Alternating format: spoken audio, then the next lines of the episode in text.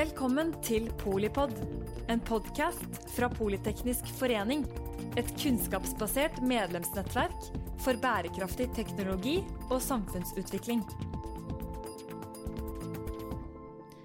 Hvordan jobber næringsliv, offentlig sektor og akademia sammen om kunstig intelligens og digital omstilling? I denne episoden befinner vi oss i Halden på åpningen av Cluster for Applied AIs nysatsing, AI-klinikken. Du vil lære om hva AI-klinikken er, hvordan deres samarbeid på tvers av sektor og bransje fungerer i praksis, men også hva status på digital omstilling og AI er i dag. Dette er den andre av tre episoder fra lanseringen av AI-klinikken. Velkommen til Polipod, og velkommen til våre kjære gjester, Magnus Due og Marianne Bjerkmann. Eh, I dag er vi i Halden på lanseringen av AI-klinikken, Marianne, du er klyngeleder for Cluster for Applied AI og prosjektleder for AI-klinikken i Smart Innovation Norway. Eh, kan ikke du fortelle litt om hva tanken bak eh, denne klinikken er, og hvordan lanseringsdagen har vært? Mm, det kan jeg gjerne. Altså, I arbeidet med Cluster for Applied AI så, så, så man jo veldig fort at eh, det er et behov for å gjøre prosessen med å komme i kontakt med selskaper som har teknologikompetanse, enda lettere. Eh, vi er en klynge som jobber med muliggjørende teknologi. Eh, så det er veldig naturlig da, å, strekke ut en hånd til andre, andre næringer gjennom, gjennom AI-klinikken, som vi da skal gjøre. Og i dag så syns jeg det har vært en uh, kjempefin dag. Vi har hatt flere av partnere på scenen som har kommet og har fortalt hva de gjør, og som har gjort bildet litt tydeligere da, i forhold til hva AI-klinikken egentlig kan, kan, bidra med. Mm. men det er jo bare en liten smakebit da, av hva, hva, partnerne egentlig kan, kan levere. Mm. og Magnus, du er Chief Digital Officer i Goodtech. Eh, som er et ledende norsk teknologikonsern som leverer prosjekter, tjenester og produkter eh, både for industri, energi, miljø og infrastruktur. Eh, hvilken rolle kommer Goodtech til å spille for AI-klinikken? Vi ønsker å være den muliggjørende partneren for samarbeidet. Altså det å kunne dra inn kompetansen fra det som er helt nede på bunnlinjen, opp til de partnerne som kan levere analyse og større system på toppen. Eh, vi har bred kompetanse på integrasjoner, datainnhenting og preproduksjon av data til de systemene. Så vi passer veldig godt inn til å kunne veilede og hjelpe til med de casene som kommer inn. Og i tillegg så har vi markedstilgangen til å faktisk hente inn de og benytte for kundene våre. At de kan bruke AI-klinikken for å komme i kontakt med flere partnere og andre partnere. Mm. Eh, sånn av din erfaring, hvilke, hvis man skal kalle, siden det heter AI-klinikken, kalle kundene for uh, pasienter, Mm Hvilken diagnose er det de oftest uh, kommer med? Ja, De er vel ofte forvirret. Um, kanskje med noe hukommelsestap. Ja.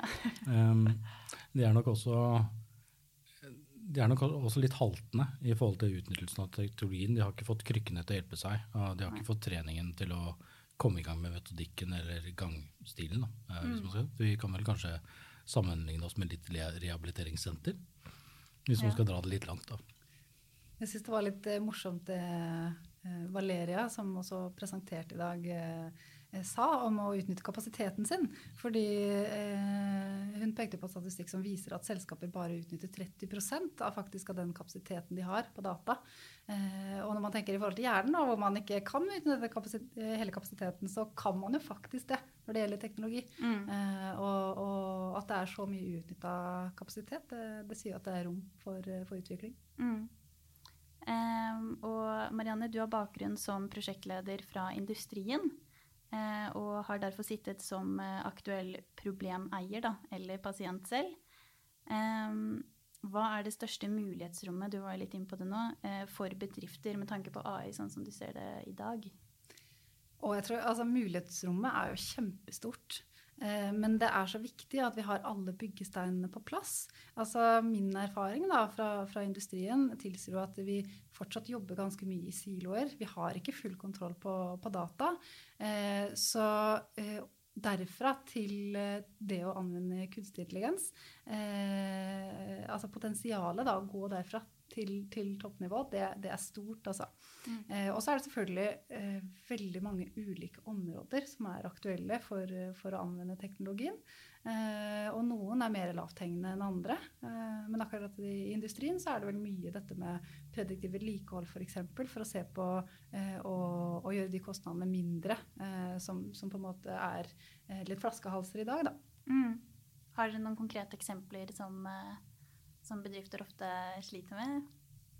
Det er jo mye logistikk og produktplanlegging, produksjonsplanlegging, vedlikehold. Altså det å optimalisere prosessene sine og foregår ofte segregert og isolert på prosessavsnitt. Mm. Ofte ikke for hele fabrikken.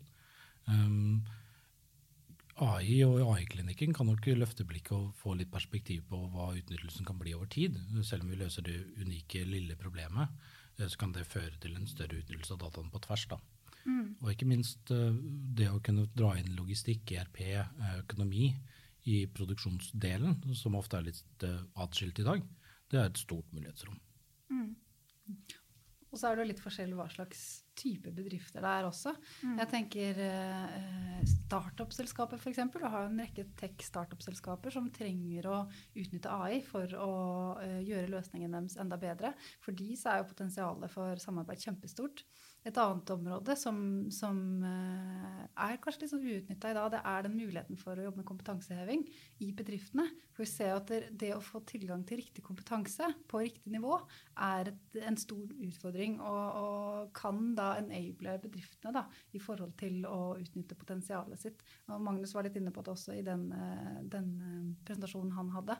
Men det å tenke alle nivåer i organisasjonen og jobbe med kompetanseutvikling, mm. der ser vi også et stort potensial. Og, og partnerne i AI-klinikken eh, har jo uh, mulighet både til å jobbe med skreddersydd uh, kompetanseutvikling, uh, etter- og videreutdanning, men også i forhold til å guide pasientene inn på riktig vei da, i forhold til etter- og videreutdanning. Mm. Ja, det kan jo være også ikke minst kunnskapsoverføring mellom partnerne og pasientene. Det at vi kan bidra til økt forståelse for både tematikken og problematikken, men også da løsningsmulighetene, slik at det kommer inn i business-casene deres og planlegging av strategi, og slik at det blir en forankring i organisasjonen basert på forståelse da, og ikke synsing. Mm. Så det er på en måte det som er litt unikt, at du kan få en skreddersydd eh, plan uansett hvor mye kunnskap du har om hele prosessen av AI sånn eh, generelt. Helt klart. Mm. Eh, hvis vi ser for oss på en måte en reise da, med eh, kunstig intelligens eh, med tanke på bedrifter og hva man klarer å utnytte, hvor ser dere for dere at vi er i dag? Eh, I den forrige podkasten snakket vi litt om at det startet allerede på 80-tallet. Eh, men da var det ikke populært nok til eh, å på en måte bruke ressurser på å utvikle det videre, da. Det er jo litt sånn i forhold til modenheten til de som skal utnytte dataene. Altså det er veldig mange ulike segmenter vi snakker om. altså Industribasert så er det jo noe lav modenhet, men det er et veldig vilje til å utnytte det og prøve det. Mm. Mens i bank og finans, i andre segmenter, da, så er det jo mye mer i bruk. Altså De er mye modnere i forhold til å ta den endringen på datatransport og datakommunikasjon eh, mye kjappere, fordi de har systemer som også er mye nyere. Eh, så det er veldig ulik modenhet, men jeg tror mulighetsrommet er nesten like stort uavhengig av hvor du ser på det, fordi teknologien går så fort frem at uh, analysemetoder og metodikk som var brukt før, ikke nødvendigvis gir de riktige svarene. Og litt sånn som Valeria var inne på i dag òg, at veldig mange av de prosjektene på metodikk som starter opp, uh, feiler. Altså de blir ikke gjennomført fordi de er ikke gode nok. Og det er jo det også litt AI-klinikken skal vise til, at vi kan må finne de riktige modellene. Det er ikke nødvendigvis en standardvare. Så litt av reisen er jo å begynne å forstå eh, hva prosessen innebærer, uansett, er, uansett hvilket segment det er, og hvilket verdigrunnlag det baserer seg på, og hvorfor vi gjør den jobben. Mm. Um, dere har jo som sagt mange eh, veldig gode samarbeidspartnere, eh, og noen av de er jo Høgskolen i Østfold. Eh, hvordan kommer de til å spille sin rolle i AI-klinikken? Eh, ja, Høgskolen i Østfold er en kjempeviktig partner for oss, og også en lokal partner eh, her i Halden. Eh, I forhold til AI-klinikken så vil spesielt samspill med studenter være viktig. For vi ser at studenter kan spille en viktig rolle både i forhold til å føre eh, ny kompetanse inn i virksomheter, men også for å få tilbake den domenespesifikke kompetansen som Magnus var litt inne på i stad, eh, tilbake i, eh, i, studieforløpet for å vite hva er det som egentlig etterspørs i, i industrien eller i, i næringen. Så, så, det er det ene. Og det andre Vi hadde også et eksempel oppe i dag med en, en annen partner som heter Hypatia Learning, som har inngått et forskningssamarbeid med Høgskolen i Østfold og Halden kommune. Eh, og der spiller Høgskolen i Østfold en kjempeviktig rolle i forhold til å forske. Eh, og forske fram nye løsninger da, innenfor AI. Mm. Så for, som forskningspartner eh, og, som, og, i forhold til studentsamarbeid tenker vi det er et kjempepotensial. Mm. Er det f.eks. sånn at eh, masterstudenter kan etablere samarbeid med AI-klinikken eh, for å skrive oppgave, eller? Ja, de kan absolutt bruke AI-klinikken som en reisevei for å finne eh, bedriftspartnere som er, eller, eller, i det offentlige, som er interessert i å gjøre en, et samarbeid på en masteroppgave. Så, så, det er absolutt en mulighet. Mm. Ja, vi er i hvert fall åpne for det i forhold til det. Vi driver jo I Porsgrunn blant annet, så har vi en masterstudent som driver to semestre med en masteroppgave basert på produktutvikling. Okay. Uh, vi har også inne studentoppgaver i bachelordelen i både Oslo og Bergen. Uh, og vi tar gjerne imot ideer fra Høyeklinikken for å gjennomføre slike ting. Så det er absolutt muligheter. Mm, så spennende. jeg har også hørt at du, Magnus, er veldig interessert i innovasjon.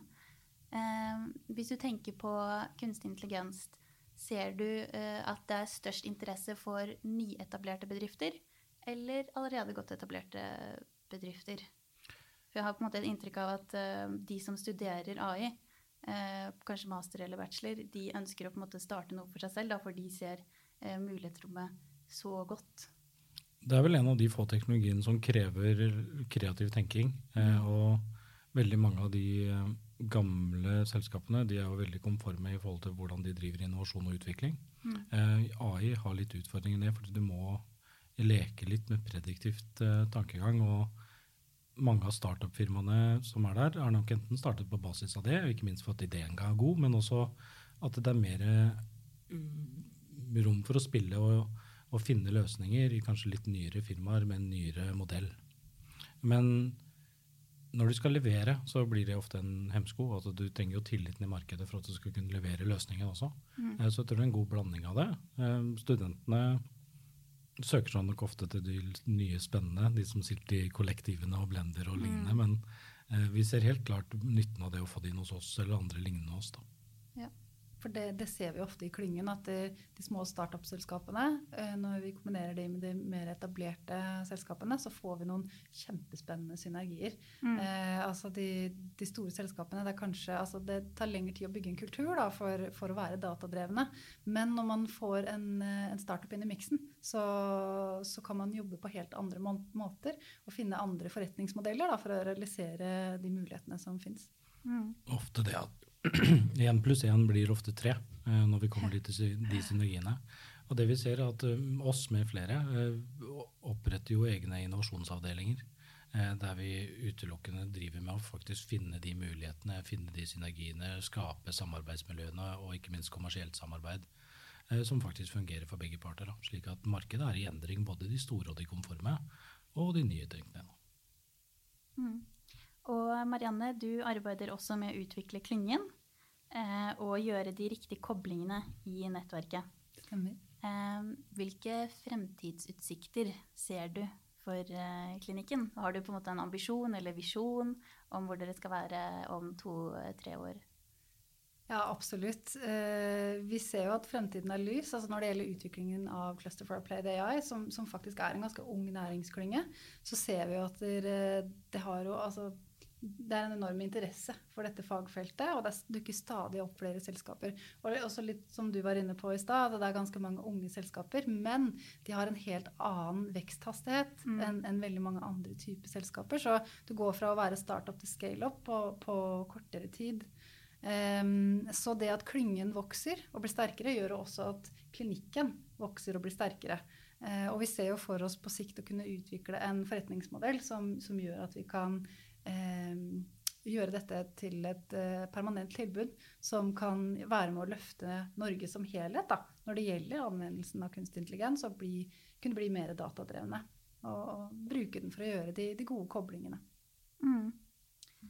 Um, Magnus, hva uh, er det som interesserer deg mest med eh, kunstig intelligens. Vi hoppet litt over det spørsmålet i starten, hva kunstig intelligens eh, faktisk er. Men vil du si litt eh, om det? Det er jo den kjempeinteressante delen at du kan få svar som du ikke visste fantes. Eh, og ikke minst det at du kan analysere så store datamengder så kjapt at vi kan få ut eh, beslutningsveier som vi ikke trodde var mulig. Eh, det handler om optimalisering av prosesser som vi trodde var optimalisert 100% Det handler om å finne muligheter for andre blandingsforhold, metodikker. Eh, ikke minst begynne å se på eh, de gamle systemene våre, hvor mye mer produktive de kan bli med å implementere det på en riktig nivå. At vi passer på at AI ikke bare er et stort system på toppen som gir noen svar, men altså de putter også direkte tilbake i prosessene som vi driver med. Og det kan føre til relativt store endringer i både produksjon og metode. Mm. Og jeg tror at Norge som samfunn må endre seg. Eh, og ikke minst skal vi få til det, så trenger vi den type teknologi for å få bærekraftige løsninger. Og ikke minst løsninger som også øker konkurransekraften vår. Det, det som fascinerer meg så utrolig, er at Eh, altså Digital teknologi har jo blitt beskyldt for, måte, for, å trekke oppmerksomheten til oss mennesker bort fra andre mennesker mm. eh, og det sosiale vesenet vi egentlig er. Men jeg tror at AI kan ta tilbake litt av den eh, menneskeligheten og hvordan vi forholder oss til hverandre. Fordi vi blir ikke like avhengig av dingser eh, som det vi har vært. Altså Ta f.eks. et møte på et legekontor. Mm. Hvor mye av tiden bruker legen egentlig på å se på deg som er pasient, og hvor mye tid bruker legen på å se inn i eh, computeren som hvor han skriver? Mm. Altså jeg tror altså, Når du får en AI som kan, eh, kan, eh, fortolke det du sier, og som kan føre journalen, eh, og også det, bare det å koordinere journalen og finne sannsynlige diagnoser eh, mm. altså Mulighetene er så store. Mm. for å og jeg ser på AI som et, det, et verktøy for å gjøre menneskene eh, enda bedre. Mm. Eh, og, og, ikke det å, at det skal fremmedgjøre eller, eller være et eh, fremmedelement. Mm. Mm. Ja, for ofte i media så føler jeg at det, det kan få litt sånn negative kondisjoner eh, av og til. Um, men um, da kan man jo på en måte konkludere med at det positive uh, utkonkurrerer det negative. Fordi mulighetene er så mange. Ja da, og, og, det med ressurser, som Magnus var inne på. Og hvis man tenker eh, hvor stort eh, ressurssløseri da, det egentlig finnes mm. Hvis vi kan ha eh, modeller som finner de optimale løsningene eller de optimale reiseveiene. Jeg tok frem et case fra eh, klyngepartner Velur, som jobber med kjøttindustrien, hvor de kan vise til 10% reduksjon i, i, behov for råvarer. Mm. Eh, og det har jo kjempe Tenk hvis man gjør det for alle kjøttprodusenter i verden. Det har jo et kjempestort impact.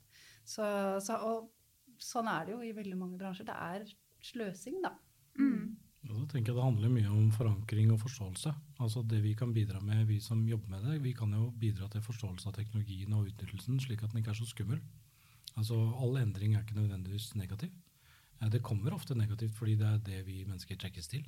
Og ikke minst det første vi går til hvis vi ser noe nytt, så er det jo skummelt. Og hvis vi kan bidra til litt forankring og forståelse, og ikke minst implementering til å vise resultatene, Eh, så vil jo det bidra til at hele samfunnet også tar det i bruk mye større grad, og ikke minst kanskje stoler mer på det. Mm. Det er helt sant. Eh, er det noe dere har lyst til å legge til eh, på tampen? Jeg vil gjerne si tusen takk for at dere fikk lov å komme. Det var veldig hyggelig å, å ha en prat rundt dette. og AI-klinikken er nå åpen, så jeg vil gjerne oppfordre eh, de som føler at de ønsker å se nærmere, nærmere på sitt datagrunnlag, se nærmere, utforske mulighetene som ligger i AI, eller om det er en startup som trenger en samarbeidspartner, eller om en forskningsinstitusjon som har behov for en samarbeidspartner fordi de ønsker å se mer på dataene sine med AI. Så ta kontakt. Vi er her. Det skal vi. Ja, absolutt. Tusen takk for at jeg fikk lov å komme. Tusen takk, Magnus Due og Marianne Bjerkmann. Eh, takk for at du også lytter til Polipod. Mitt navn er Elise Antonissen, og jeg er programsjef i Politeknisk forening. Takk for at du lyttet til Polipod fra Politeknisk forening. Få med deg flere episoder, eller bli med på nettverksmøtene som du finner på at polyteknisk.